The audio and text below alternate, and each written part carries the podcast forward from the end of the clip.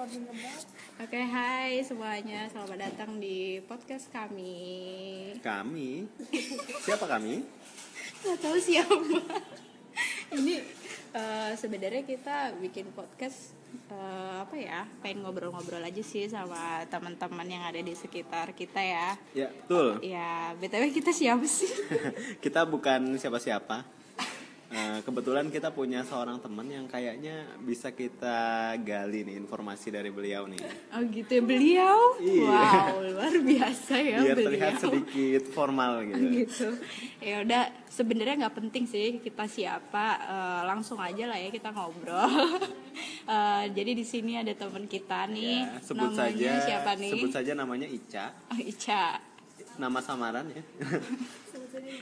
Nama aslinya siapa Mawar Oke. Jadi kita udah sama Ica nih. Hai Ica. Halo kalian, eh ya kan kalian nggak nyebutin nama, nyebutin nama dulu dong biar nggak penasaran yang dengerin.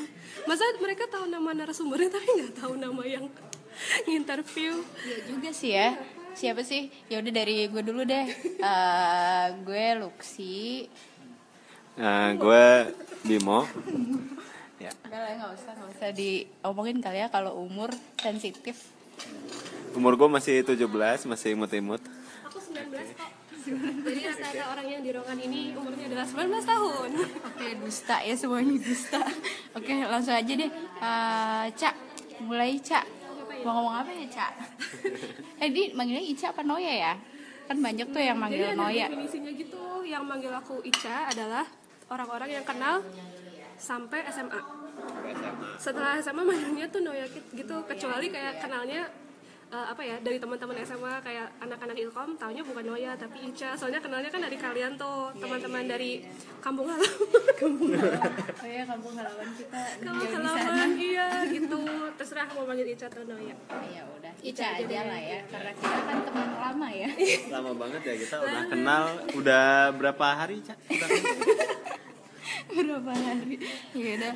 eh, pertama jelasin dulu ya, mungkin background. Widih, widih, widih. Backgroundnya dari mana gitu. Background Kuliah mungkin. dari kampung halaman Jadi kuliah aja kali ya, kuliah di Ah, mana? kuliah S1 IPB alma mater kami ya gitu deh ya IPB dulu Eh, S1 ini di sebelah ada ketawa-ketawa tak terkendali tolong Banyak orang di sini. Padahal cuma satu. Iya jadi S1 di IPB jurusan meteorologi. Kalau ada yang tanya nih meteorologi apaan? Biasanya orang-orang pada nggak nggak gitu kan. Eh, itu yang meneliti meneliti. Pokoknya yang kerjanya tuh ngurusin yang semua berhubungan sama cuaca dan iklim. Jadi kayak orang-orang yang di BMKG gitu lah. Terus alhamdulillah berkesempatan untuk melanjutkan kuliah S2 Wah. Yeay. ayo saatnya Luar Bim saatnya Bim biasa. Yeay, reaksi Kamu luar biasa. ya jadi alhamdulillahnya bisa S2 dan alhamdulillah lagi baru ru- lulus tuh berapa bulan yang lalu sebulan yang lalu dua bulan yang lalu di Utrecht University di Belanda Ini baru balik kampung ya. Iya, balik kampung. Ya di S2 nya eh, nggak begitu linear sih sama meteorologi soalnya lebih fokus ke eh, sumber daya air gitu. Jadi manajemen sumber daya air. Oke. Cuh, begitulah. Dan sekarang pengangguran. Ya, pengangguran mencari doakan ya yang mendengarkan siapa yang mendengarkan. doakan ya biar aku dapat kerjaan. Ini maksudnya doakan biar dapat kerjaan apa, Apa, apa, apa, doakan biar dapat Apa aja boleh. biar dapat yang mau ditulis di undangan. yang terbaik ya teman-teman yang baik hati semuanya tolong doakan yang baik-baik Ini kenapa jadi curhat ya? Ngomongin apa sih? Eh, di sini ini sih sebenarnya kita pengen tahu aja gimana sih pengalaman Ica di sana selama di Belanda ya terutama kuliah di sana. Mungkin dari awalnya dulu kali ya. Awal banget ya mungkin dari proses mencari eh, apa searching-searching tentang universitasnya atau beasiswanya juga. hidup aku gitu ya terserah kamu sih mau mau ceritanya di bagian mananya ya, mungkin ya ya sesuatu yang mungkin bisa inilah di ini sama orang lain gitu ya jadi apa ya kalau awalnya biasanya ini sih kalau orang-orang tanya kan gimana caranya biar dapat biar bisa sekolah S2 di luar negeri kan.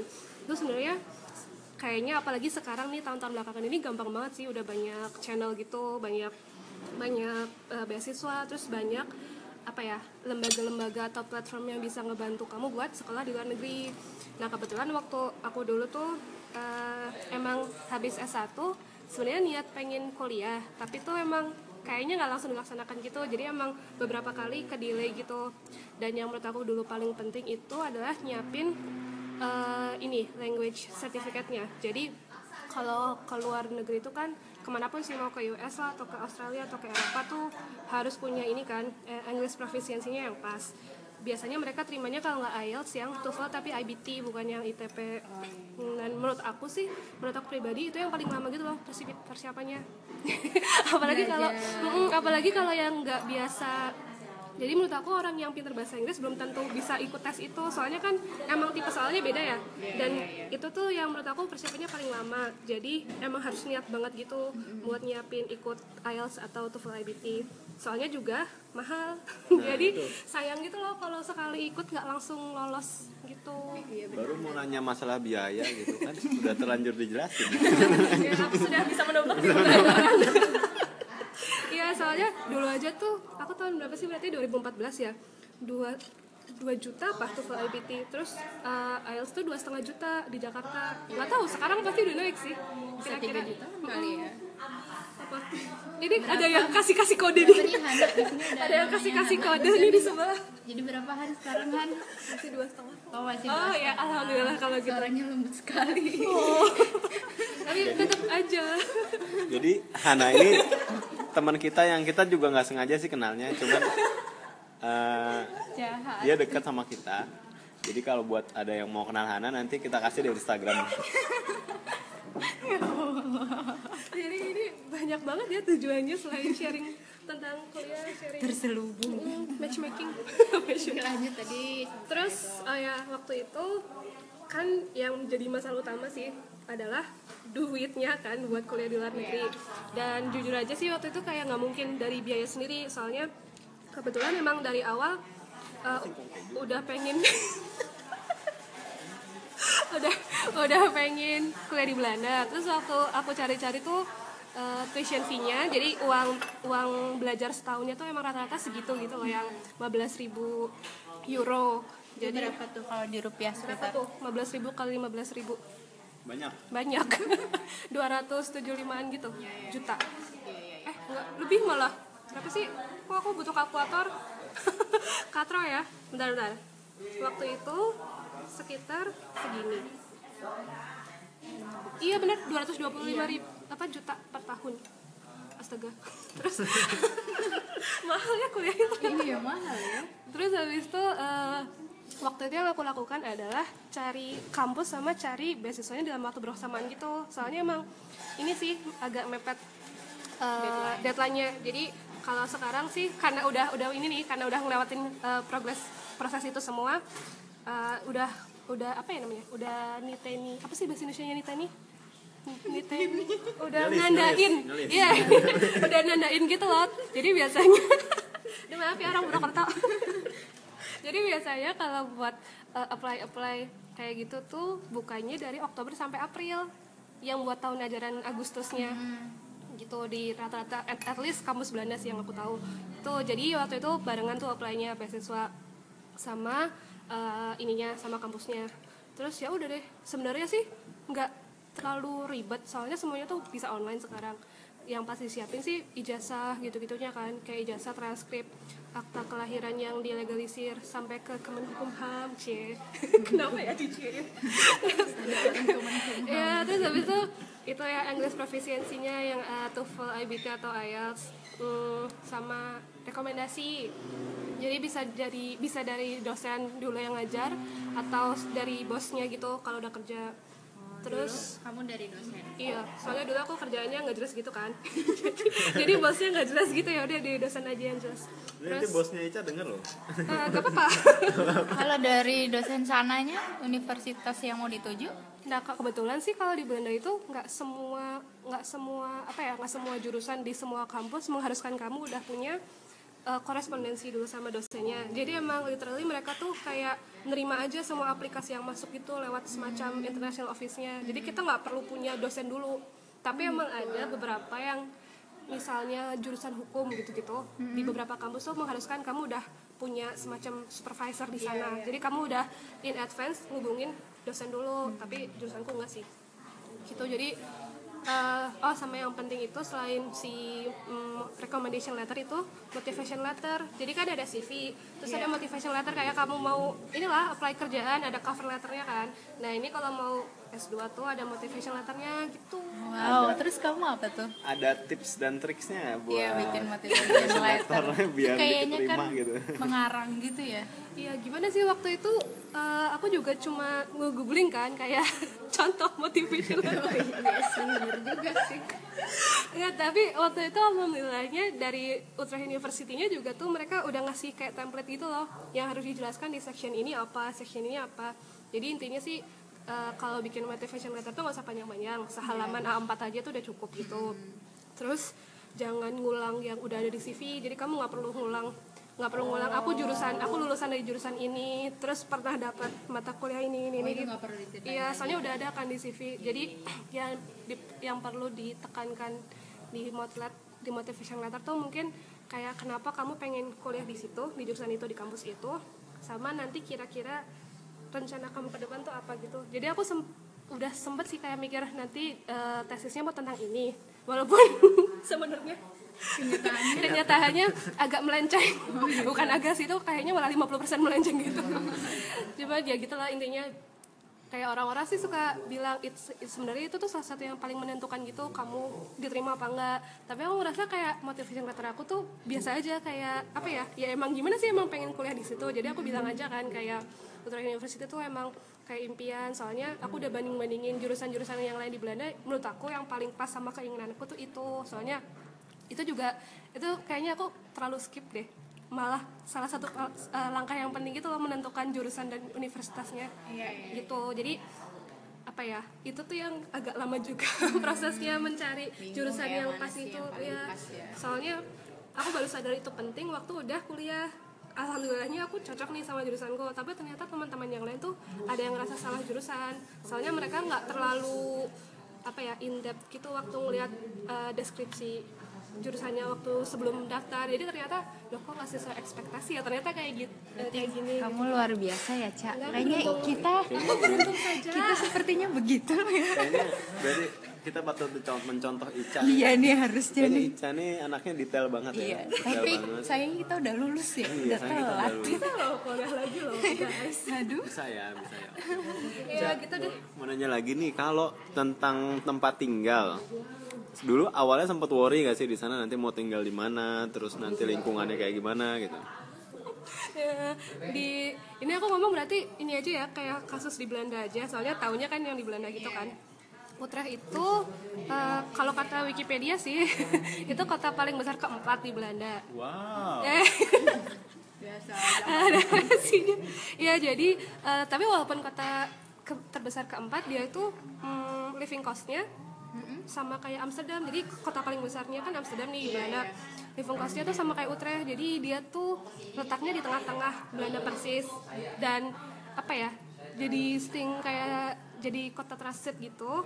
Terus mereka juga ada kampusnya Utrecht University ada beberapa kampus lain plus banyak perusahaan gitu loh. Jadi banyak juga pendatang yang tinggal di sana. Sedangkan kotanya tuh layaknya kota Belanda yang lain tuh kecil gitu loh sebenarnya jadi mereka terutama sih belakangan ini tuh kelihatan banget eh, lagi krisis tempat tinggal. Jadi jujur, ju- susah apa jujur aja susah gitu loh cari tempat tinggal di sana.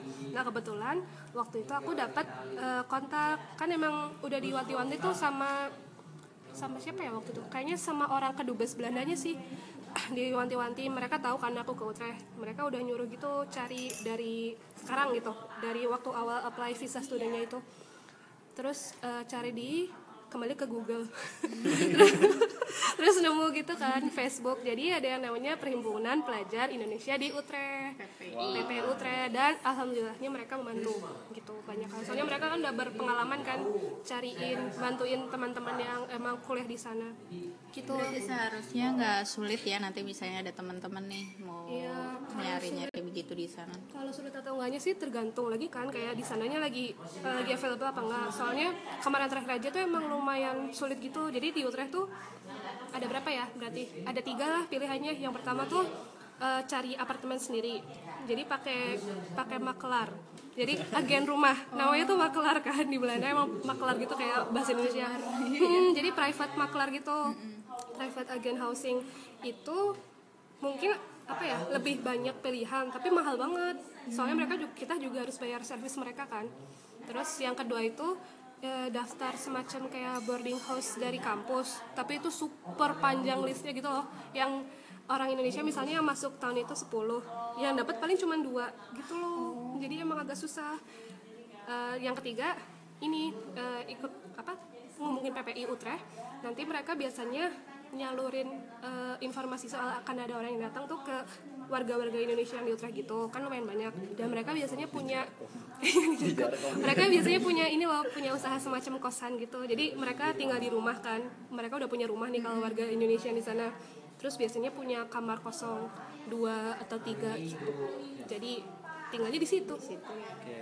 Berarti pas pertama datang ke sana udah ada tempat tinggal ya kalau kondisinya kalau Ica ya. harus sih harus harus kayak gitu. Soalnya kayaknya nggak boleh gitu nanti eh, pas di visanya ditanyain udah punya apa di sana udah ada tujuan apa belum? Kalau belum ada tujuan at least kamu harus eh, mungkin pakai alamat hotel kali ya. Kayak dari dari booking.com atau apa gitu buat at least tinggal seminggu gitu di sana. Tapi harus ya lebih enak kalau udah punya rumah sih. Eh udah punya akomodasi salah. Bener sih sebenarnya. kalau udah punya rumah lebih enak. ya.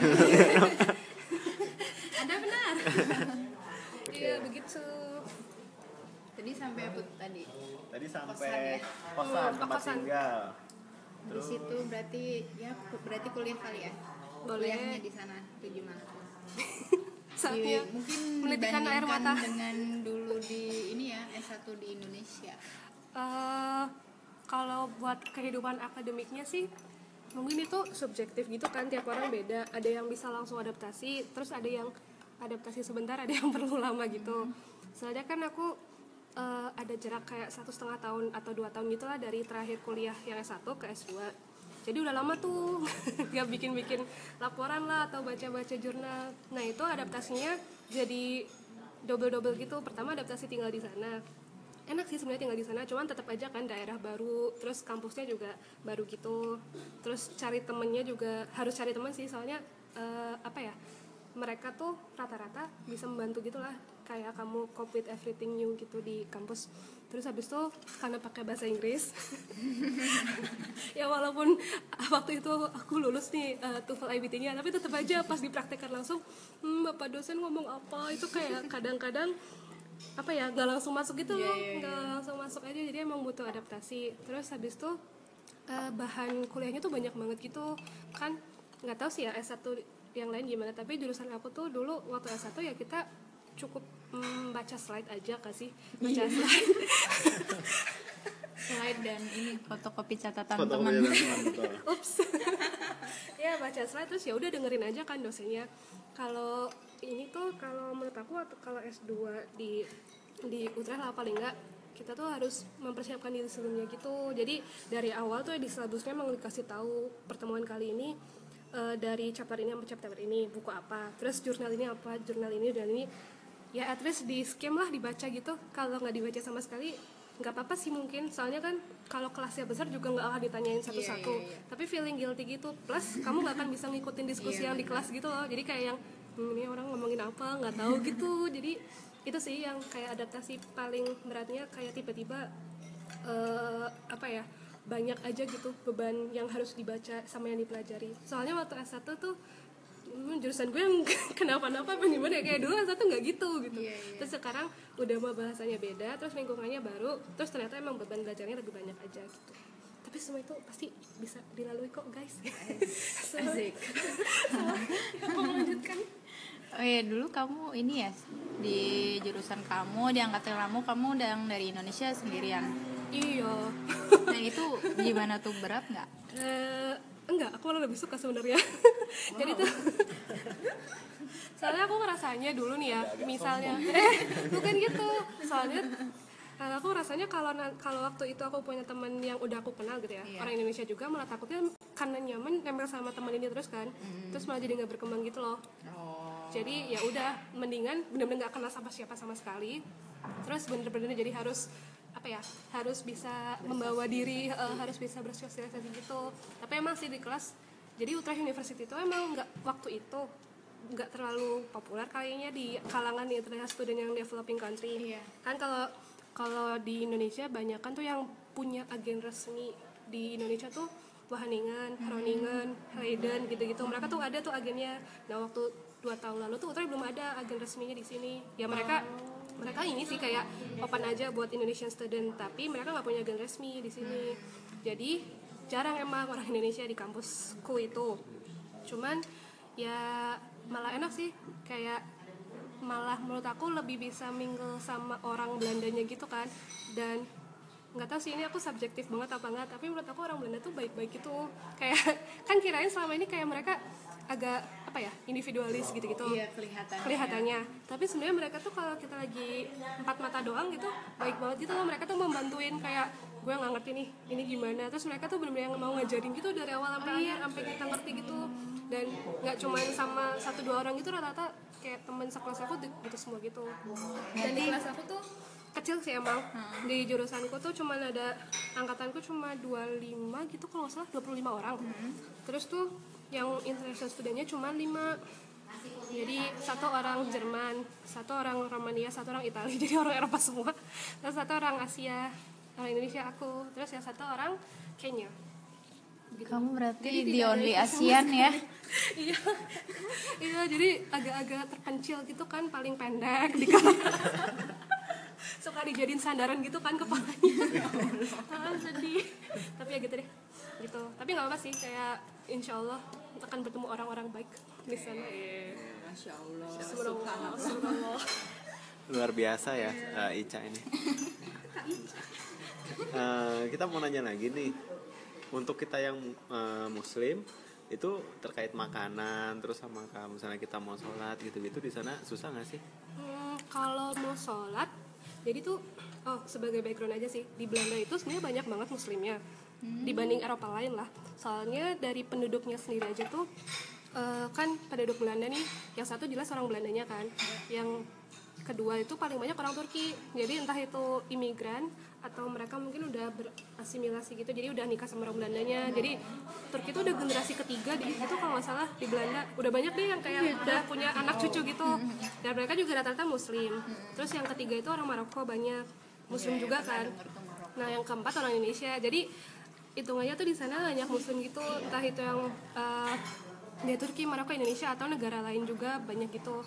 Jadi menurut aku sih mereka cukup muslim friendly gitu. Soalnya di tiap kota, kota besar ya at least tuh mereka punya masjid juga gitu.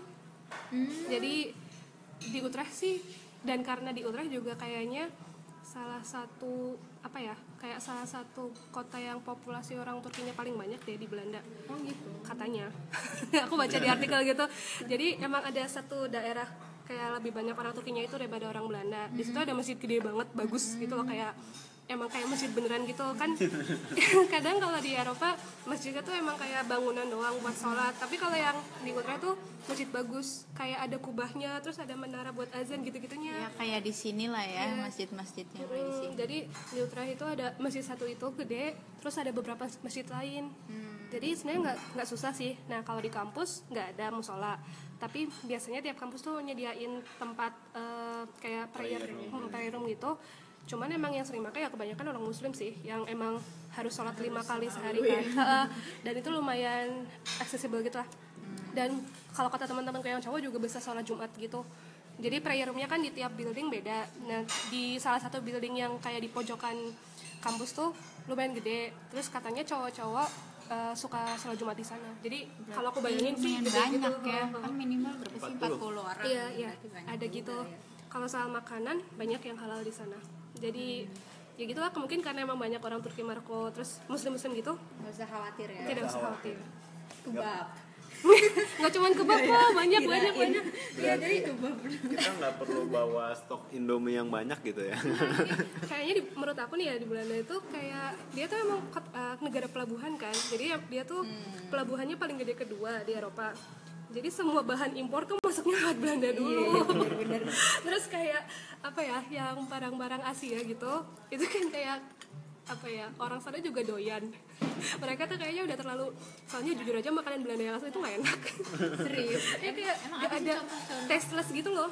Ya, Contohnya pokoknya apa? mereka kan eh, apa ya bahan makanan utamanya tuh kentang. Jadi tuh kentang diapain aja deh itu tuh makanan orang Belanda banget kayak macam hot pot jadi kentang eh, di kayak kayak mashed potatoes. Iya. terus ditambahin kayak sayuran yang cuma direbus-rebus gitu loh. Itu buat mereka tuh itu makanan tradisional tapi kita ngeliatnya kan kayak eh gitu doang. Gitu. Kalau di sini pecel gitu ada bumbunya ya. Iya, kalau itu iya. nggak ada. Iya, jadi emang tapi emang sih kayak makanan Asia tuh kaya rasa banget. Dan mungkin orang eh, orang-orang sana juga udah mulai terakustomisasi gitu lah sama makanan Asia. Jadi mereka doyan dan banyak gitu eh, restoran Asia. Kayak restoran Vietnam, Thailand, Indonesia Cina banyak banget. Gitu-gitu. Terus toko-toko Asia juga banyak. Cuman kalau yang halal juga kalau yang halal tuh biasanya terkonsentrasi di satu daerah gitu. Gitu. Gitu deh. Jadi tidak udah tidak usah khawatir. Tidak usah khawatir ya kalau masalah Dan- makanan. dan cara identified-nya juga nggak sulit ya berarti ya? Eh, apa jadi kayak di packagingnya. Identified misalnya dari eh, bentuk tokonya atau oh, dari iya, iya, iya. Hmm, jadi menunya biasanya gitu. mereka kayak pasang ada logo, logo halal. gitu Iya, gede di kalau luar halal udah pasti ya. Oke. gitu. Terus kadang di supermarket biasa pun tuh macam kayak jayanya sini gitu ya itu ada gitu. Sebelumnya oh iya kamu. Bebas bebas. Jadi nanti tidak ada yang mendengarkan juga seperti itu ada jangan gitu guys. Terus? Di kayak di masa eh, salah satu sectionnya gitu kadang ada nih yang halal section gitu. Jadi emang dia khusus jual eh, daging halal gitu. Tapi kalau apa ya kan kalau di sini tuh semua makanan hampir ada halal. Kayak ada cap MUI-nya MUI-nya kan. Kalau di sana ya enggak sih. Cuman kita emang harus eh, lebih aware aja kira-kira ini tuh pakai emulsifiernya apa terus gelatinnya apa. Dan mereka tuh nyantumin pasti kayak gelatinnya dalam kurung soya berarti dari kedelai gitu gitu loh. Jadi aku sih hitungannya nggak terlalu strict banget sama yang packaging itu soalnya ribet juga sih kalau bener-bener nyari yang makanan snack doang ini ya halal halal gitu itu agak susah sih. Jadi yang penting tuh daging aja gitu yang halal. Kalau sayuran sih insya Allah ya halal semua lah. Terus habis itu nggak perlu ada maksudku, sayur ya. ya maksudku tuh nggak perlu nyari yang ada packaging halal dan gitu. Soalnya ada ya masih ada sih orang yang kayak pokoknya semuanya beli yang harus ada packaging halalnya gitu loh. Tapi menurut aku kayak gitu tuh gak mm, menyusahkan diri gitu susah Iya ya agak susah. di terus sana ya. kalau ikan gitu-gitu ya gimana ya? Kan ya namanya ikan ya insya Allah lah kayak baca Bismillah aja pas lagi masak sama pas makan halal insya Allah gitu. Terus ya gitu lah di, kalau snack snack gitu lihat aja eh, pengawetnya atau apanya gitu gitunya yang halal apa enggak gitu sih intinya. Berarti kalau kayak makanan sehari-hari tuh kamu seringnya beli atau masak mungkin jadi kalau mau bertahan hidup kita harus masak. Saya kalau beli itu mahal banget. Jadi apa ya berapa tuh kira-kira? beda banget gitu loh eh, pengeluaran kamu kalau misalnya dibandingin ya seminggu beli terus nih tiap dinner. Sama kalau masak terus tiap dinner. Itu tuh kayak bisa beda 30 euro 40 euro gitu loh. Lumayan banget iya ya. itu tuh mahal banget deh kalau eating out di luar sama dibandingin masak eh, di rumah. Apalagi kan kalau anak kosan paling masak buat sendiri atau berdua bertiga kan. Dan itu juga pasti belinya buat eh, bahan seminggu gitu-gitu. Jadi hemat gitu. Dan aku ya biasanya beli ini sih mendingan masak gitu jadi beli sayur terus beli apa terus masak buat tiga porsi sekalian. Jadi berhemat. Tapi kadang kalau lagi pengen memanjakan diri jajan. Jajan keluar. Makan malam di luar gitu. Terus kalau di sana tuh kalau jadi student di sana ada keuntungan apa aja sih yang didapat? Misalnya dari apa sih buat transportasi di sana Oh, iya atau sih. masuk ke apa museum gitu ya? Mm-mm. jadi kalau yang paling paling jelas sih biasanya masuk ke- transportasi dulu sih. Jadi kalau transportasi itu tapi mereka lebih kelihatan kalau kita student EU gitu. Kalau aku kan non EU nih dari Indonesia. Iya. jadi kalau orang Eropa sendiri tuh mereka tuh punya paket di Belanda sih at least eh, punya paket transport tuh yang bisa bikin murah gitu deh. Kayak cuman bayar kayak cuma 25% dari harga asli gitu. Tapi itu packaging gitu. Jadi tiap bulan gitu eh, abonemennya ada harus bayar. Tapi itu murah gitu. Nah tapi kalau buat student yang non EU tuh lebih murah tapi biasa aja gitu loh nggak yang murah banget. Ha, soalnya Belanda pun tuh dibanding sama negara yang lain di Eropa mahal gitu emang transportasinya. Tapi emang bagus sih cuman ya mahal. Ada harga. Ada barang. Ada barang. Terus habis itu kalau yang lain-lain tuh seringnya ada diskon diskon gitu student sih. Kayak makan lalala gitu kayak di Indonesia aja sih ada student ada di student diskon. Terus kalau museum-museum itu di Belanda tuh ada yang namanya museum card. Itu bisa di apply siapa pun sih nggak cuma student doang. Jadi asal kamu bayar segitu gitu di selama setahun kamu bisa bebas masuk berbagai macam museum gitu. Tapi kalau di eh, di kota lain eh di negara lain emang ada gitu yang ketentuan. Kalau kamu student bisa nunjukin student card atau di bawah 25 tahun. Kita nih. Di bawah kita kan 19 tahun. Ya ya kalau di bawah 25 tahun tuh gratis gitu loh masuk museumnya. Gitu. Jadi ya itulah. Apa lagi ya? Sama hmm, apa ya? Oh bioskop. Itu juga ada diskonnya student. Itu lumayan biasa aja sih. Mendingan kayak aku aja yang beli abonemen ya. Sombong banget ya. Sombong sekali anda. Ya soalnya aku anaknya emang suka nonton bioskop. Jadi daripada beli bolak-balik mendingan bayar langganan. Kalian aja ya. Soalnya berguna sih dari apa ya tipe-tipe orang yang se- setiap minggu gitu ke bioskop. Iya iya. Eh, kamu di sana kalau ke kampus eh, sehari-hari naik apa tuh? Sepeda. Nggak cuma ke kampus sendiri sih, ya? ke semuanya. Iya jadi salah satu uh, esensial package kayak salah satu kebutuhan hidup paling penting. Di Belanda adalah sepeda. Dan banyak itu yang jual-jual sepeda. Second jarang sih ada yang beli sepeda baru kecuali emang mau investasi kayak dibawa pulang ke Indonesia gitu-gitu. Ada atau gitu? ada soalnya emang kan beberapa emang ada beberapa merek sepeda yang emang dijual di sana doang. Terus kalau dibawa pulang ke Indonesia tuh bisa dijual lagi dengan harga super lumayan gitu loh. Jadi emang beberapa temanku tuh emang ada yang sengaja gitu beli bisa buat bisnis ya. Iya iya iya benar katanya. Soalnya juga beberapa maskapai itu ngebolehin gitu kan. Eh, mempermudah lah kita bawa sepeda. Hmm, jadi emang emang gampang gitu. Jadi emang pada investasi tapi aku nggak segitunya sih. Jadi beli yang second aja cukup. Yang penting bisa buat pergi-pergi gitu. Gitu. Jadi pakai sepeda deh. Oke terus eh, apa ya tadi transport udah Eh, mungkin ini buat teman-teman yang dengerin barangkali penasaran gitu kenapa sih kenapa sih harus Belanda gitu? Apa sih what's so special gitu? Hmm, untuk kuliah di sana. Kenapa nggak Kairo gitu kayak ayat-ayat cinta gitu? wow Biar Aisyah. biar ketemu Fahri.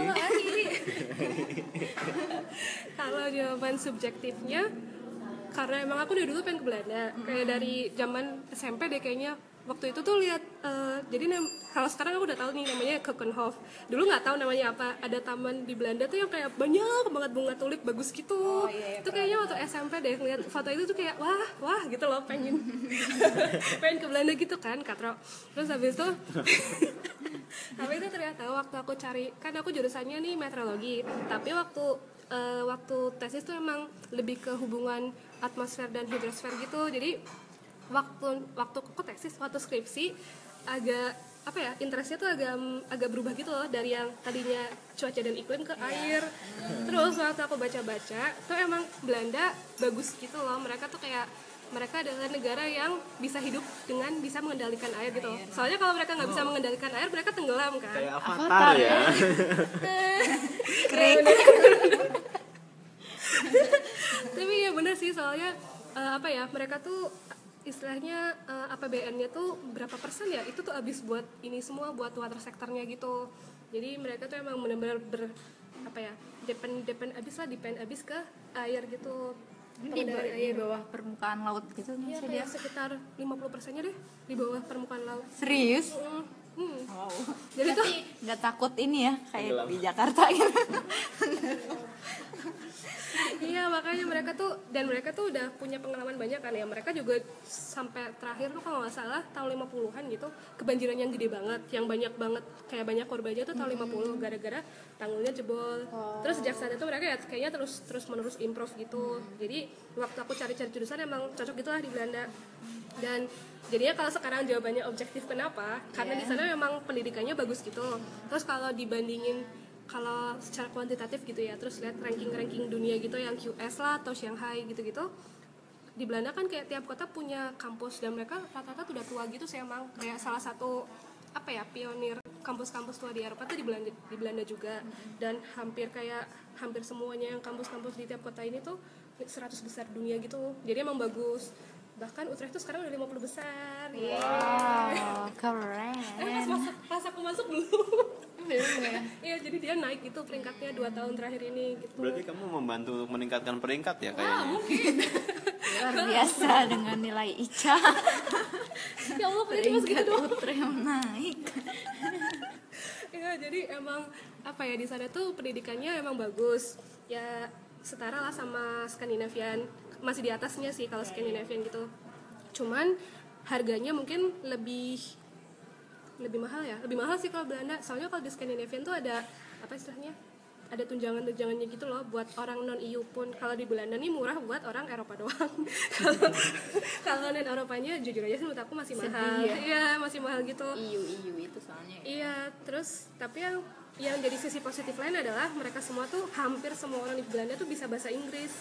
Jadi tuh kamu nggak kesusahan gitu. Kan kalau kalau di mana ya di Jerman gitu-gitu di Prancis tuh kamu at least harus belajar setahun Belanda eh Belanda eh, Bahasa bahasa, lokalnya kan eh, bahasa lokalnya walaupun nanti pas lagi kuliahnya mungkin kamu pakai ya pakai kelas internasional terus pakai bahasa Inggris gitu nanti kesehariannya itu eh, butuh gitu kan eh, bahasa lokalnya. Nah di Belanda tuh ya bisa sih itu juga kayak di encourage gitu kamu belajar bahasa Belanda. Tapi kalaupun kamu nggak bisa, tuh kamu masih bisa hidup dengan tenang gitu loh di sana. kayak biasa aja gitu semua orang bisa bahasa Inggris terus apa ya menurut aku sih tempatnya emang enak gitu. Bahkan at some point kata orang-orang Belanda Belanda tuh membosankan. Kayak semuanya teratur gitu loh. Semuanya teratur semuanya serba enak gitu-gitu. Jadi mungkin kalau orang-orang Belanda atau orang-orang Eropa yang hidupnya sudah terlalu apa ya indah terus mereka perlu challenge.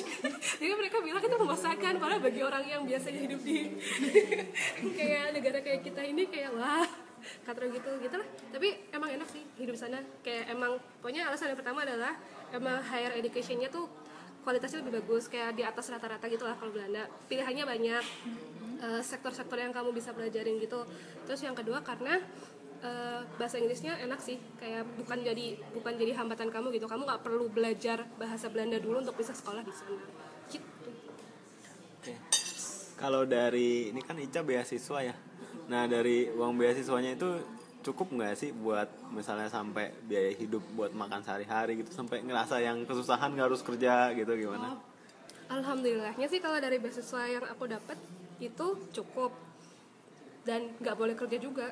Emang nggak boleh kerja ya? oh nggak boleh kerja gitu. Dari soalnya mungkin beasiswanya udah ngerasa itu segitu cukup. Terus mereka ya tujuannya adalah ini harus lulus gitu. Terus ya udah kayak nggak anaknya nggak boleh bekerja part time pun nggak boleh Berarti benar-benar nggak ada yang harus dikhawatirkan ya, benar-benar yang penting siapin diri sama lurusin keinginan maunya ke mana Iya sih, gitu. soalnya beberapa juga mungkin ada cerita-cerita yang nggak tahu sih bener apa nggak ada yang bilang itu kurang terus kayak Serius, Cak, untuk Iya. beasiswa yang itu.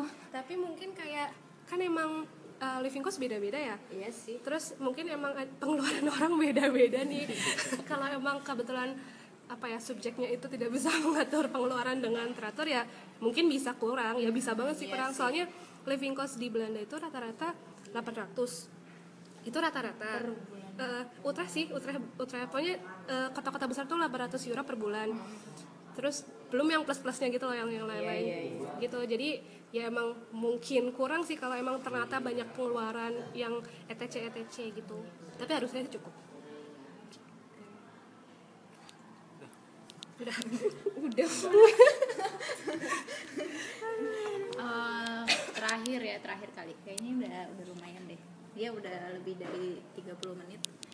Mungkin lama kan nggak kerasa. oh my god ngomong mulu mungkin wow wow wow apa sih siapa sih nih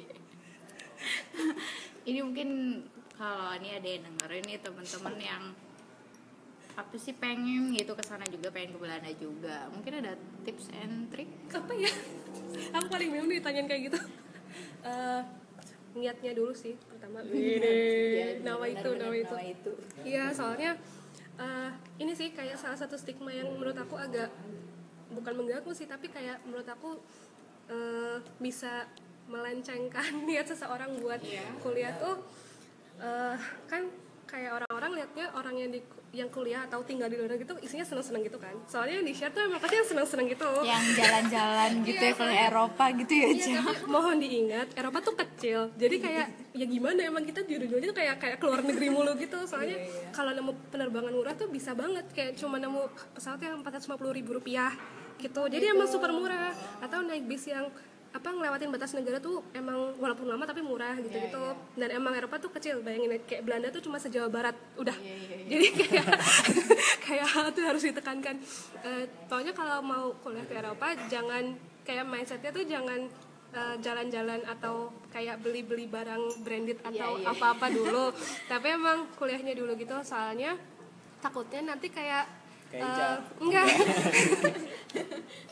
takutnya nanti kayak kecewa gitu soalnya ternyata pas masuk san pas kuliah di sana eh, jujur aja beberapa bulan awal tuh super berat gitu loh kayak buat adaptasi akademik segala macamnya gitu.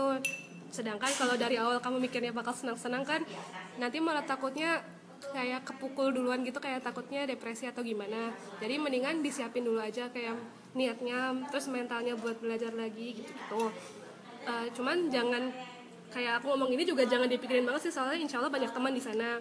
Yang Belanda kan salah satu yang student Indonesia nya paling banyak. Tiap kota biasanya punya PPI kita bisa saling share ke orang. Jadi kalau ngerasa apa ya kesulitan akademik juga jangan dipendam sendiri gitu. Ke share ke teman sekelas kayak atau ke teman yang Indonesia. Insya Allah sih eh, teman-teman yang lain bisa bantu gitu. Dan kalau udah ada niat sih harusnya ada jalan lah. Kayak di sekarang banyak eh, beasiswa eh, yang dari dalam ataupun dari luarnya gitu. Soalnya kadang dari kampusnya juga mereka nawarin beasiswa cuma mungkin buat ngecover uang kuliahnya doang. Tetapi kalau kamu di cover uang kuliah doang tuh di sana bisa kerja part time which is lumayan gampang sih. Kayak yang nggak gampang banget tapi selalu ada gitu loh lowongan part time di sana. Dan lumayan duitnya buat kafe gitu. Mm, luma- eh, duitnya tuh lumayan gitu loh buat ngecover hidup. Cukup lah kalau kata temen aku sih. Heeh, ya. Nggak yang gimana banget terus kayak beasiswa ya macam-macam lah beasiswa dari dari kantor kayak atau dari menteri kementerian-kementerian gitu kayaknya lumayan banyak. Kalau kata orang-orang terakhir kemarin aku ajakin ngobrol. Jadi ya udah. Atau kalau emang punya rezeki banyak berlebih ya sanggup bayar sendiri. Cus aja cus aja langsung. ya tapi ya intinya nawa itunya dulu sih. Oke. Oke. Ada yang mau disampaikan lagi pak. Kayaknya cukup sih dari saya. Kayaknya ini ya udah cukup bermanfaat ya memberikan berfaedah berfaedah. sekali ini obrolan kita lu. Hari ini kita Tumben ma- ya. padahal ini podcast pertama juga sih. Ini, ini amatiran banget. Jadi kita menciduk Ica tadi untuk kita tanya-tanya. Ya mudah-mudahan bermanfaat informasinya. Amin. Amin. Amin. Amin amin semoga teman-teman juga bisa melanjutkan dan menggapai mimpi-mimpi selanjutnya Amin, amin, amin. Ini nanti kalau mau ada yang nanya-nanya langsung aja DM Instagramnya Ica. di bawah ini Nanti kali ya di description boxnya ya. Oke, eh, untuk podcast pertama kami segitu aja kami. Ya udahlah, dah. dadah